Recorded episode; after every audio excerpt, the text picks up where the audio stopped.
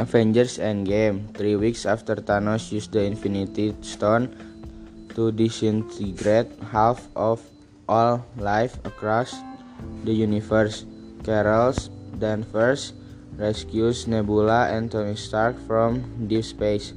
They find an injured Thanos and intend to take the stone to reverse his action, but he has already destroyed them to prepare future use.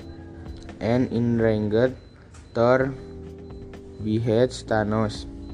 Five years later, Scott Lang escapes the quantum realm and meets Romanoff and Rogers at the Avengers compound. Rogers and Stark use the last of their Pym particles to travel to Ash. Rhodes returns to the present with the Power Stone while Nebula is unable to return due to her cybernetic implant interfacing with with those of her 214 self.